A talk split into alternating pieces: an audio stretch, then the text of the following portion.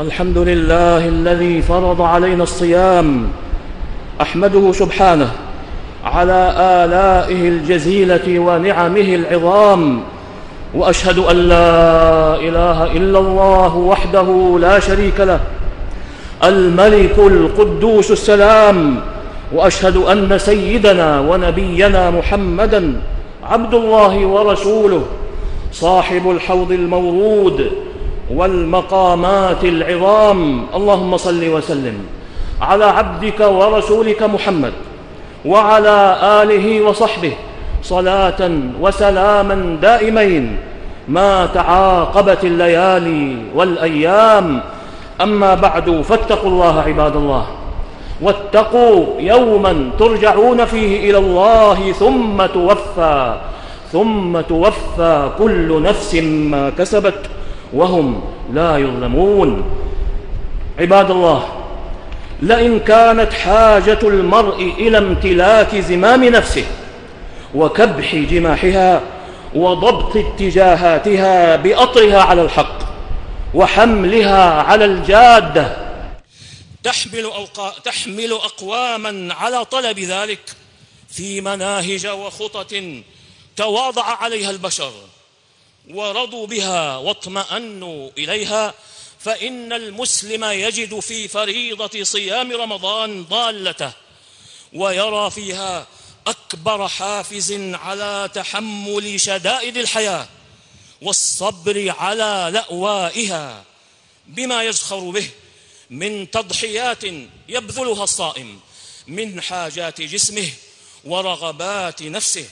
فالصيام فطم للنفوس عما أبيح لها من لذات وإلزامها بتحمل ألم الجوع وحر الظمأ وضبط لشعورها أن تتبرم أو تتأفف أو أن يبدر منها ما يحبط صيامها أو ينقص من أجرها وفي هذا الفطام للنفوس تضحيات يبذلها الصائم ابتغاء مرضات الله وتصديقا لموعوده بالجزاء الضافي والأجر الكريم ففي نهار الصيام تضحية بالطعام والشراب واللذة المباحة وفي لياليه تضحية بلذة النوم وراحة الجسم بإحيائها في القيام إذ يقتضي ذلك إذ يقتضي ذلك صبرا وجهدا على التلاوة وطول القيام لا سيما في عشره الأخيرة التي يلتمس فيها المصلون القانتون ليلة القدر التي هي خير من ألف شهر. فإذا كان للصائم أيضا حظ من اعتكاف بملازمة للمسجد وانقطاع عن الصوارف فقد أخذ بنصيب وافر من التضحية. وإن التضحيات في رمضان يا عباد الله لا تقف عند حد. فكما تكون براحة الجسم وقطعه عن لذاته وصرفه عن مباح شهواته تكون أيضا بتضحية بالمال الذي تحبه النفوس أشد الحب. وما يزال ذلك الحب مستوليا عليها متغلغلا فيها حتى نهاية العمر. كما قال سبحانه وتحبون المال حبا جما وكما جاء في الحديث الذي أخرجه الشيخان في صحيحيهما عن أبي هريرة رضي الله عنه أن رسول الله صلى الله عليه وسلم قال يكبر ابن آدم ويكبر معه اثنان حب المال وطول العمر. وإن هذا الحب ليتبدى جليا في حرص المرء عليه وشحه به فلا تطيب نفسه بإخراجه إلا بمقابل أعظم فائدة وعوض أكثر عائدة. وإن من الآثار الجميلة الجليلة للصيام ترقيق القلب وتهذيب المشاعر تهذيبا يحدث فيها تحولا ونقلة من ضيق الفردية من ضيق الفردية والأثرة إلى سعة الإيثار التي تبعث التي يبعث الذي يبعث على إحساس المرء بغيره وبحاجته إلى بره وعطائه فيبذل ما تطيب به نفسه من ماله مستيقنا بأن الله تعالى سيجزل له العوض ويقابل عطاءه الذي سخت به نفسه بأفضل منه وأعظم عائدة وأوفر جزاء. وإن تفطير الصائم يا عباد الله لهو لون لهو لون من ألوان التضحية والسخاء بالمال. أملا في بلوغ مرضات الله والحظوة عنده بكريم الجزاء الذي أخبر عنه النبي صلى الله عليه وسلم بقوله من فطر صائما كان له مثل أجره غير أنه لا ينقص من أجر الصائم شيئا. أخرجه الإمام أحمد في مسنده والترمذي وابن ماجه في سننه بإسناد صحيح من حديث زيد بن, جاد بن زيد بن خالد رضي الله عنه. وليس هذا التفطير للصائم ميدان التضحية الوحيد في رمضان فإن أبواب التضحية فيه كثيرة. إذ هو مضمار يتسابق فيه المتسابقون يرجون جميل موعودها وحسن الثواب عليها. وإن تضحيات الصائم وإن تضحيات الصائم التي يبذلها من نفسه وماله استجابة لأمر الله وابتغاء رضوان الله واقعة موقعها العظيم عند الرب الكريم. الذي جعل لها أعظم الجزاء ببلوغ مضاعفة الأجر عليها مبلغا لم تخطر مبلغا لم يخطر للصائم على بال كما جاء في الحديث القدسي كل عمل ابن آدم كل عمل ابن آدم له الحسنة بعشر أمثالها إلى سبعمائة ضعف إلا الصوم فإنه لي وأنا أجزي به. أخرجه الشيخان في صحيحيهما. واللفظ للبخاري عن أبي هريرة رضي الله عنه. وإن السبب في عدم حصر الجزاء على الصوم يا عباد الله على عدم حصره في حد أنه كما قال أهل العلم لون من ألوان الصبر في أوسع مجالاته. وقد قال الله تعالى في جزاء الصابرين إنما يوفى الصابرون أجرهم بغير حساب. أي بغير مضاعفة محدودة. يقف عندها الأجر وينتهي إليها الثواب. ووصفه رسول الهدى صلوات الله وسلامه عليه بأنه شهر الصبر. فقال شهر فقال صوم شهر الصبر أي رمضان وثلاثة وثلاثة أيام من كل شهر صوم الدهر. أخرجه النسائي بإسناد صحيح من حديث أبي هريرة رضي الله عنه وهو جزاء يضاف إلى جزاء آخر جعله الله مقصورا على الصائمين لا يشركهم فيه غيرهم. ففي الصحيحين عن أبي هريرة رضي الله عنه عن رسول الله صلى الله عليه وسلم أنه قال إن في الجنة إن في الجنة بابا يقال له الريان يدخل منه الصائمون لا يدخل منه غيرهم. فإذا دخلوا أغلق فلم يدخل منه أحد. وفي هذا من شرف الاختصاص وكريم الأجر وعظم المنزلة ما لا مزيد عليه ولا منتهى له. فطوبى لمن أخذ من دروس التضحية في رمضان خير عدة. وأقوم منهج ينهجه في سائر أيام عمره فبذل من نفسه فبذل من نفسه وماله لله ابتغاء رضوان الله وتأسيا برسول الله صلى الله عليه وسلم وبصحابته من بعده. أولئك الذين كان لهم في دروب التضحية أعظم المواقف وأبلغ العبر وأروع الآثار نفعني الله وإياكم بهدي كتابه وبسنة نبيه صلى الله عليه وسلم. أقول قولي هذا وأستغفر الله العظيم الجليل لي ولكم ولكافة المسلمين من كل ذنب.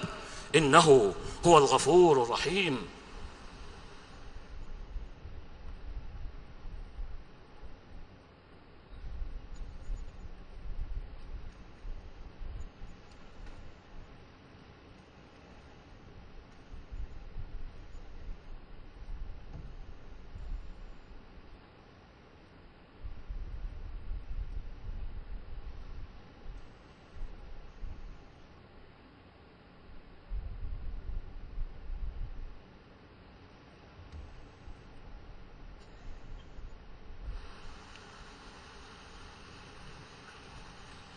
إن الحمد لله نحمده ونستعينه ونستغفره ونعوذ بالله من شرور أنفسنا وسيئات أعمالنا.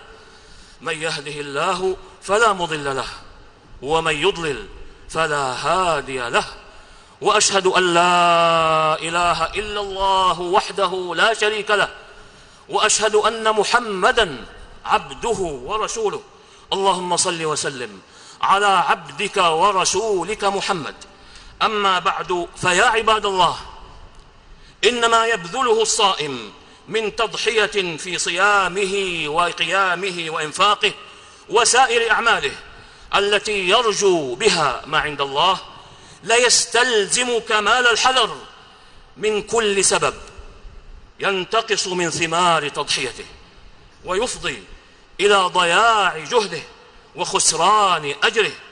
فرب صائم حظه من صيامه الجوع والعطش ورب قائم حظه من قيامه السهر. كما أخبر بذلك رسول الهدى صلوات الله وسلامه عليه في الحديث الذي أخرجه النسائي في سننه الكبرى وابن ماجه واللفظ له بإسناد صحيح من حديث أبي هريرة رضي الله عنه. فإن للصوم كما قال أهل العلم حرمة تجب المحافظة عليها وعدم استباحتها باللغو والباطل وقول الزور والسباب والمشاتمة والمخاصمة. وقد قال الرسول صلى الله عليه وسلم من لم يدع قول الزور والعمل به فليس لله حاجة في أن يدع طعامه وشرابه.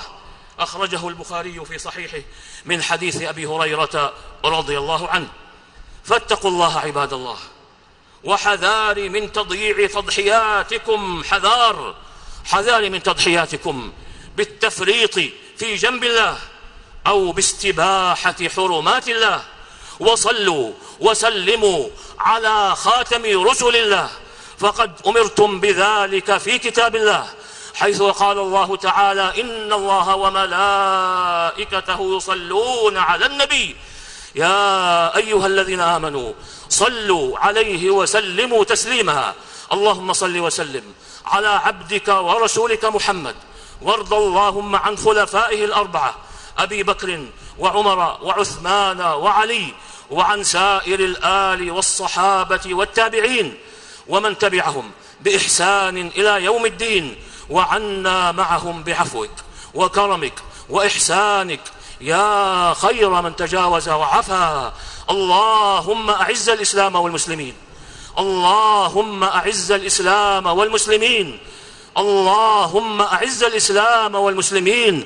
واحم حوزة الدين. ودمر أعداء الدين وسائر الطغاة والمفسدين. وألف بين قلوب المسلمين. ووحد صفوفهم. وأصلح قادتهم. واجمع كلمتهم على الحق يا رب العالمين. اللهم انصر دينك وكتابك وسنة نبيك محمد صلى الله عليه وسلم وعبادك المؤمنين المجاهدين الصادقين. اللهم آمنا في أوطاننا وأصلح أئمتنا وولاة أمورنا وأيد بالحق إمامنا وولي أمرنا وهيئ له البطانة الصالحة ووفقه لما تحب وترضى. يا سميع الدعاء اللهم وفقه ونائبيه وإخوانه إلى ما فيه خير الإسلام والمسلمين وإلى ما فيه صلاح العباد والبلاد. يا من إليه المرجع يوم المعاد. اللهم آت نفوسنا تقواها وزكها. أنت خير من زكاها. اللهم أحسن عاقبتنا في الأمور كلها وأجرنا من خزي الدنيا وعذاب الآخرة. اللهم أصلح لنا ديننا الذي هو عصمة أمرنا وأصلح لنا دنيانا التي فيها معاشنا وأصلح لنا آخرتنا التي فيها معادنا. واجعل الحياة زيادة لنا في كل خير والموت راحة لنا من كل شر. اللهم إنا نسألك فعل الخيرات وترك المنكرات وحب المساكين وأن تغفر لنا وترحمنا. وإذا أردت بقوم فتنة فاقبضنا إليك غير مفتونين. اللهم قنا شر الفتن. اللهم قنا شر الفتن. اللهم قنا شر الفتن. ما ظهر منها وما بطن. عن, بلد عن بلدنا هذا خاصة. وعن كافة بلاد المسلمين عامة. يا رب العالمين. اللهم اكفنا أعداءك وأعداءنا بما شئت يا رب العالمين. اللهم اكفنا أعداءك وأعداءنا بما شئت يا رب العالمين. اللهم اكفنا أعداءك وأعداءنا بما شئت يا رب العالمين. اللهم إنا نجعلك في نحور أعدائك وأعدائنا ونعوذ بك من شرورهم.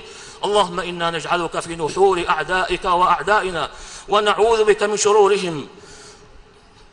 اللهم تقبل منا الصيام والقيام ووفقنا إلى ما يرضيك عنا في هذا الشهر العظيم المبارك يا رب العالمين. اللهم اشف مرضانا. اللهم اشف مرضانا. وارحم موتانا. وبلغنا فيما يرضيك آمالنا. واختم بالصالحات أعمالنا. اللهم احفظ المسلمين في كافة في جميع ديارهم. اللهم احفظهم في مصر وفي سوريا وفي فلسطين وفي بورما وفي البحرين وفي العراق وفي اليمن وفي جميع أمصارهم وديارهم وقنا وإياهم شر الفتن. اللهم قنا وإياهم شر الفتن. اللهم قنا وإياهم شر الفتن. ربنا ظلمنا أنفسنا وإن لم تغفر لنا وترحمنا لنكونن من الخاسرين. ربنا آتنا في الدنيا حسنة وفي الآخرة حسنة وقنا عذاب النار. وصل اللهم وسلم على نبينا محمد وعلى آله وصحبه أجمعين والحمد لله رب العالمين.